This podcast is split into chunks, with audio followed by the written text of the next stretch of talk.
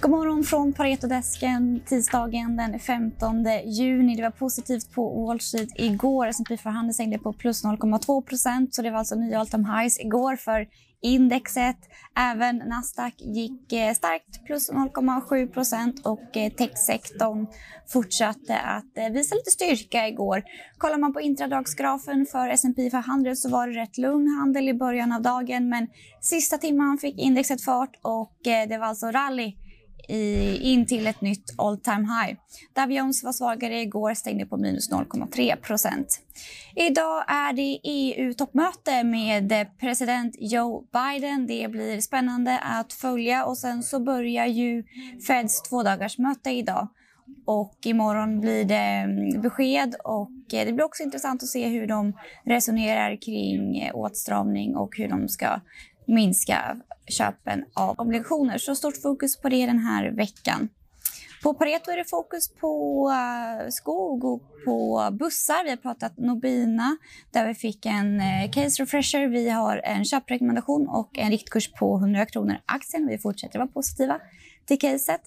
Även i Stora Ensos fall fortsätter vi att vara case Eh, positiva till caset. Där har vi en köprekommendation med en riktkurs på 20 euro per aktie. Och, uh, Stora Enso har haft det lite tufft senaste tiden. Axel Persson, vad beror det här på? Ja, men exakt. Så aktien har ju egentligen konsoliderats ända sedan årsskiftet.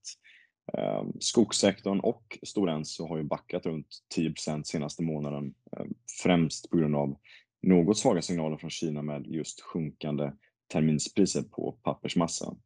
Ehm, här har också flödeseffekter påverkat negativt, som exempelvis att Stora Enso exkluderats från Stockholmsbörsens benchmarkindex i början på juni. Så det är lite, lite blandade effekter där.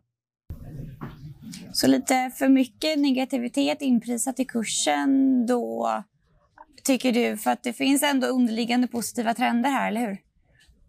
Exakt, så på nuvarande värdering så tycker vi att för mycket negativt inprisat i aktien.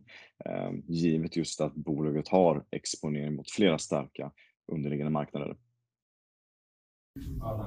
Som, eh, som till exempel? Som till exempel pappersmassa eller trävarumarknaden. Och eh, går vi in lite mer på trävarumarknaden så är det ju en marknad som gått otroligt bra det senaste. Eh, och det här är en marknad som vi Ehm, Ehm, ser också kommer vara stark 2021. Och efterfrågan på trävaror just nu är ju hög i Sverige. Den är också mycket hög i viktiga marknader som exempelvis USA. Ehm, drivet av både DIY-produkter men även trävaror som används just för byggnation. Ehm, och jag tycker just byggnation är ju eh, intressant att uppmärksamma just Stora Enso. Eh, det här är ett segment som de själva ser långsiktiga tillväxtmöjligheter med hög lönsamhet, men också har tagit investeringar att öka sin kapacitet mot detta. Så ser man för eh, hela 2021 så förväntar vi oss egentligen en fortsatt stark efterfrågan på sågade trävaror. Och vi kan också se att låga lagernivåer ger stöd till en fortsatt hög prisnivå. Och mm. man kan också nämna att på sikt så ser vi även denna mark marknad växa strukturellt när vi bland annat bygger mer i trä Eh, lite mer långsiktiga effekter. Så underliggande starka trender men ett eh, lågt eh, aktiepris. Eh, en, en billig värdering alltså? Ja men exakt, så ser man till, eh, ser man till senaste nedgången i aktien så tycker jag absolut att det finns ett, ett bra värderingsstöd eh, i aktien. just som jag nämnde tidigare med de underliggande exponeringen mot just starka marknader. Så jag tycker liksom summering så tycker jag att Stora Enso har en stark marknadsposition.